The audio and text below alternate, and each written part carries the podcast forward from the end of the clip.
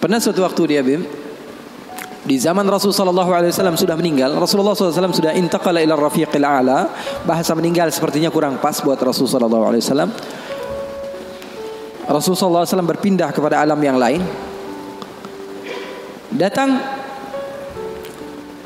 Rasul sallallahu alaihi wasallam eh, di zaman Sayyidina Uthman bin Affan, Nuaiman duduk di depan masjid Rasul sallallahu alaihi wasallam. Rasulullah sudah nggak ada.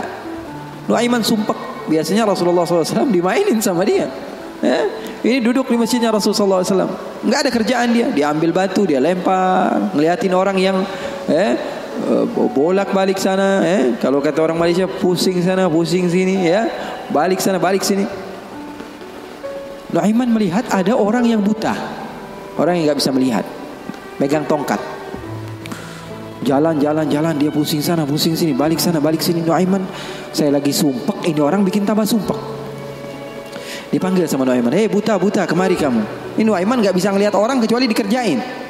Itu Nuaiman, nggak bisa ngelihat orang kecuali dikerja, kerjain. Tapi dia dicintai oleh Allah.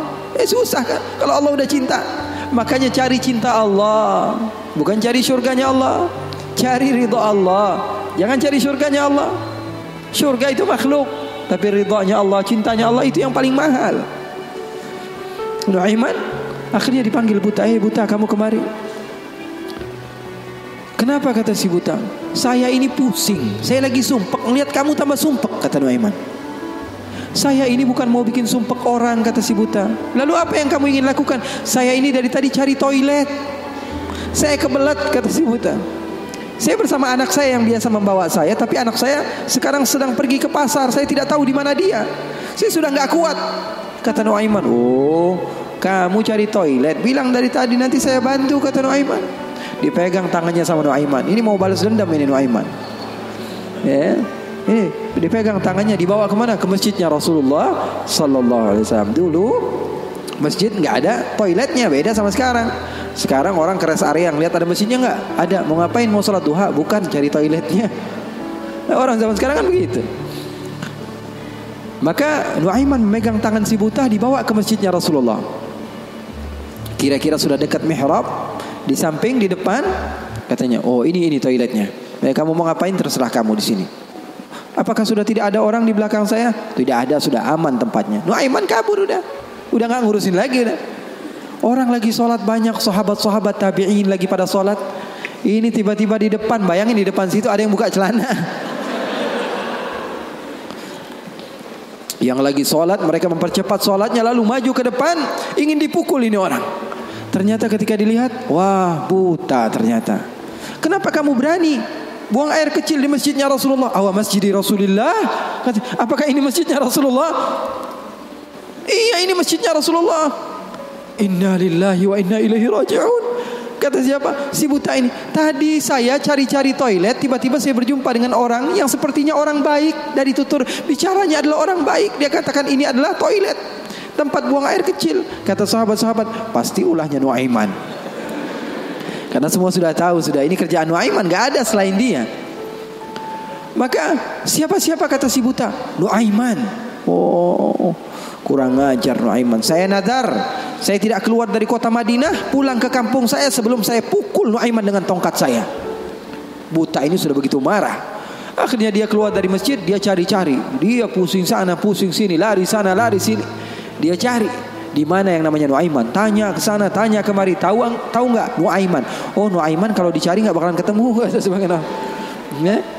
Tiba-tiba dia sudah capek ini si buta Nuaiman datang. Nuaiman tanya, eh, nakar sautu. Dia rubah suaranya. Eh, eh buta lagi ngapain sendirian di sini? Dia bilang, saya lagi sumpah ini. Sumpah kenapa? Saya ditipu sama orang. Siapa namanya? Nuaiman. Terus kamu mau ngapain sekarang? Saya mau balas dendam. Oh sini saya antar kamu kepada Nuaiman. Padahal yang ngomong siapa? Nuaiman. Ini bukan cerita-cerita eh, saya yang bikin loh, bukan. Ada riwayatnya. Maka Nuaiman memegang tangan si buta, dibawa lagi ke mana? Dia dia bohongi, dia tipu. Dia ajak keliling-keliling dulu, seakan-akan tempatnya sudah jauh. Selepas itu dia bawa ke masjidnya lagi. Dibawa lagi ke masjidnya Rasulullah Wasallam. didekatkan kepada mihrab ketika itu khalifatul Rasulullah Sayyiduna Uthman bin Affan Amirul Mukminin sedang salat Sayyidina Uthman jangan kalian tanya khusyuknya khusyuknya di dalam salat. Bahkan beliau terbunuh ketika sedang membaca Al-Qur'an. Zikir kepada Allah Subhanahu wa taala. Dibawa Nuaiman eh, dibawa oleh Nuaiman si buta dengan tongkatnya disuruh pegang-pegang di mihrab. Ada orang enggak ada ada. Ah, itu tuh Nuaiman itu dia pura-pura soleh itu dia. Habis nipu kamu dia pura-pura sholat katanya. Oh ini Nuaiman. Iya. Akhirnya Nuaiman pergi. Nuaimannya ber pergi Buta ambil apa? Tongkatnya dia pukul Sayyidina Uthman bin Affan. Sekencang-kencangnya dari belakang orang-orang para sahabat para tabi'in mereka teriak, "Qutila Amirul Mukminin." Ada musuh yang mau bunuh Amirul Mukminin. Semua menyerbu ternyata, ah, dia lagi. Baru sekitar setengah jam yang lalu dia buang air kecil di sini. Sekarang sudah pukul Sayyidina Uthman bin Affan. Akhirnya semua orang bingung. Dia bilang, Kenapa kamu pukul Amirul Muminin? Katanya gemeter dia. Saya pukul tadi barusan Amirul Muminin. Saya ditipu sama orang. Orang bilang itu adalah Nuaiman. Katanya, kata si buta, demi Allah, semenjak sekarang saya tidak akan pernah percaya lagi sama manusia. Jadi hal-hal yang seperti itu ada. Bahkan di zaman Rasulullah Sallallahu Alaihi Wasallam diriwayatkan beberapa ahlu uh, uh, uh, ashabus sunan mereka meriwayatkan Nuaiman ini pernah di zaman Rasul loh, di zaman Rasul. Eh? Terusin gue. Penyemangat tapi Muhammad. Eh, tapi dia curang. Di tempat saya cuma berbicara 10 menit aja. Eh, kalau ceramah di tempat saya hanya 10 menit. Saya sudah setengah jam lebih nih. Hampir sejam. Double ini, Beb.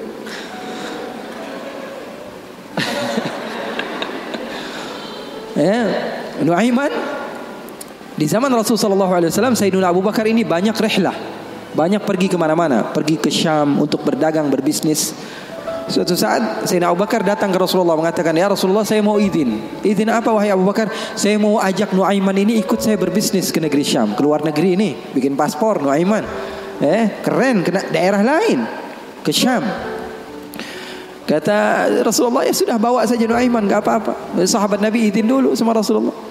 Dibawa Nuaiman ya dibawa Nuaiman bersama beberapa orang yang ikut biasa Sayyidina Abu Bakar kalau berbisnis berdagang ke negeri Syam dia bawa rombongan yang banyak eh di antaranya tadi Nuaiman Nuaiman dibawa sesampainya di negeri Syam semua dibagi tugasnya oleh Sayyidina Abu Bakar. Kamu berdagang, kamu membeli fulan bin fulan semuanya uh, memberi mendapat apa? Tugas dari Sayyidina Abu Bakar. Ada seseorang di antara sahabat Sayyidina Abu Bakar namanya Huwaitib. Eh, namanya siapa? Huwaitib. Ini orangnya polos. Orangnya polos banget. Kata Sayyidina Abu Bakar, kamu seperti biasa wahai Huwaitib. Apa kerjaan kamu? Pekerjaan kamu jaga makanan. Kalau saya minta makan, kamu kasih. Kalau kalau saya belum datang, maka jangan beri makanan. Nuaiman tanya, saya kerjaannya apa wahai Abu Bakar? Kamu mau ngapain terserah kamu wahai Nuaiman. Yang penting kamu hadir bersama-sama. Eh Rasulullah SAW dan sahabatnya itu manhaj mereka. Nggak melulu-melulu serius aja. Eh kalau kalian dapatkan guru-guru kalian mengajak sedikit bercanda kepada kalian atau uh, berlaku asik kepada kalian itu manhaj Rasulullah SAW di dalam menggapai hati seseorang sehingga dia mau untuk mendekati agama Islam. Ini enggak dikit-dikit matanya melotot melihat ke kanan bilang sesat Melihat ke kiri dibilang sesat. Ini orang salah, ini orang nggak betul, ini orang nggak baik. Enggak, Rasulullah nggak begitu. Rasulullah SAW eh, penuh dengan kebijakan. Enggak juga Rasulullah SAW ngegampangin. Wah ini boleh, yang ini boleh, yang ini boleh, semuanya boleh. Enggak juga. Ada batas-batasannya. Makanya kalian beruntung di dalam satu manhaj la ifrat wala tafrid. Enggak berlebih-lebihan, enggak kekurang-kurangan. Ya. Maka Nuaiman bertanya kepada Sayyidina Abu Bakar, "Kerjaan saya apa?" "Pekerjaan kamu terserah mau ngapain aja." Sayyidina Abu Bakar pergi berbisnis. Nuaiman nggak ada kerjaan, akhirnya lapar. Dia datang kepada Huwaitib mengatakan kepada dia, "Tib, saya sudah lapar nih. Saya pengen makan nih. Eh, berikan kepada saya makanan." Kata Huwaitib dia mengatakan, "Wahai wahai Nuaiman, Sekarang belum waktunya makan. Kita tunggu Abu Bakar. Sekitar sejam dua jam lagi dia datang. Baru saya akan berikan makan. Ini kan amanat dari Sayyidina Abu Bakar. Sahabat Nabi. Ini orangnya polos banget ini. Sahabatnya Sayyidina Abu Bakar. Akhirnya Nuaiman bilang, saya sudah lapar. Saya nggak bakalan kuat nunggu Abu Bakar.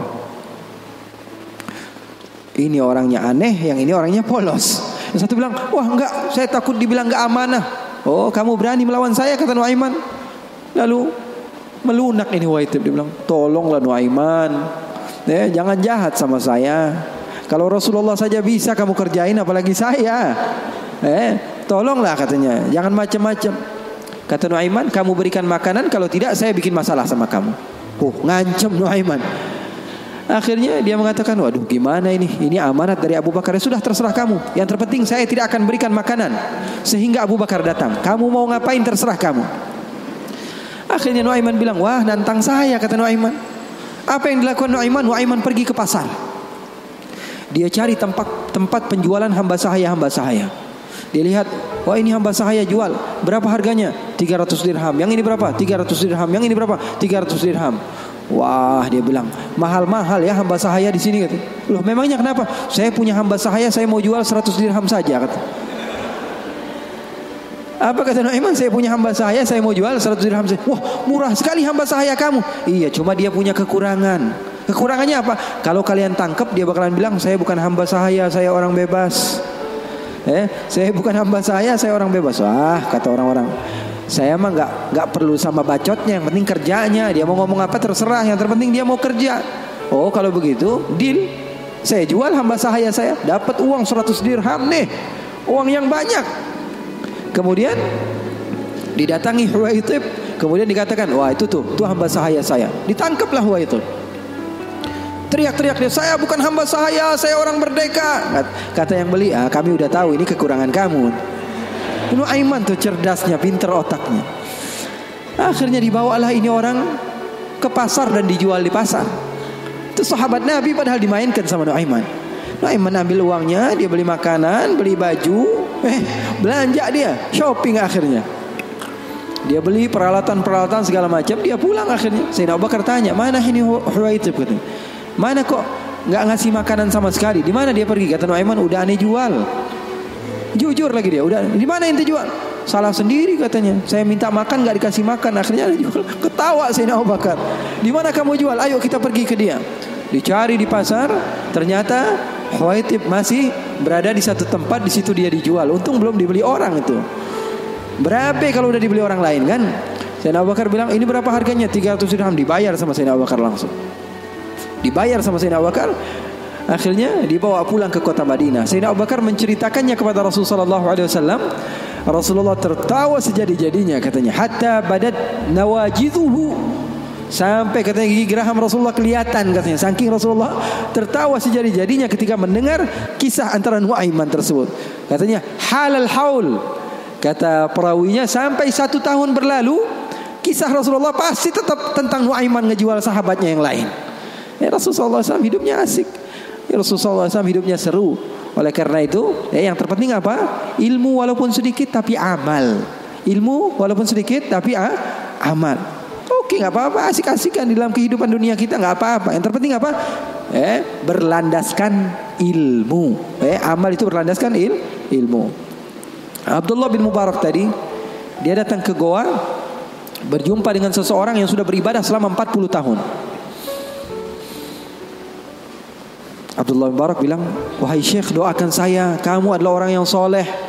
Orang yang dekat dengan Allah Doakan supaya saya dekat kepada Allah subhanahu wa ta'ala. Katanya iya baiklah saya akan doakan kamu. Ini kata orang yang rajin ibadah tadi 40 tahun dia beribadah.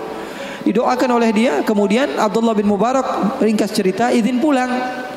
Ketika pulang Abdullah bin Mubarak melihat keanehan. Ini kok hamba Allah Dia pakai gelang. Eh bukan pakai gelang Pakai ka? Pakai kalung Ini kok dia pakai kalung Ketika diperhatikan sepertinya ada sesuatu di kalungnya ketika didekati ternyata apa? Dia pakai bangkai tikus. Eh, jadi di sini dia pakai kalung, di bawahnya ada bangkai tikus.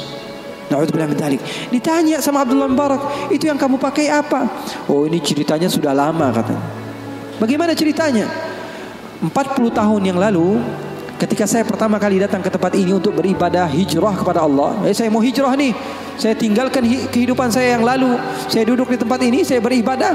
Saya rapikan tempat ini karena saya tahu tempat ini tempat makan saya, tempat tidur saya, tempat sholat saya.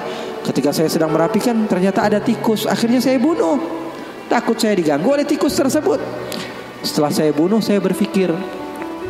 Saya beristikharah, dia bilang istikharah lagi. Dia bilang, saya pikir saya datang ke tempat ini untuk beribadah kepada Allah, tapi kenapa saya mengganggu hambanya Allah? Maka setelah itu saya bernadar, saya tidak akan sholat kecuali membawa dia. Dia bilang, saya tidak akan sholat kecuali membawa dia. Dia bingung Abdul Barak, kamu tidak tahu bahwa bangkai ini ada sesuatu yang najis, sholat kamu bisa menjadi tidak sah.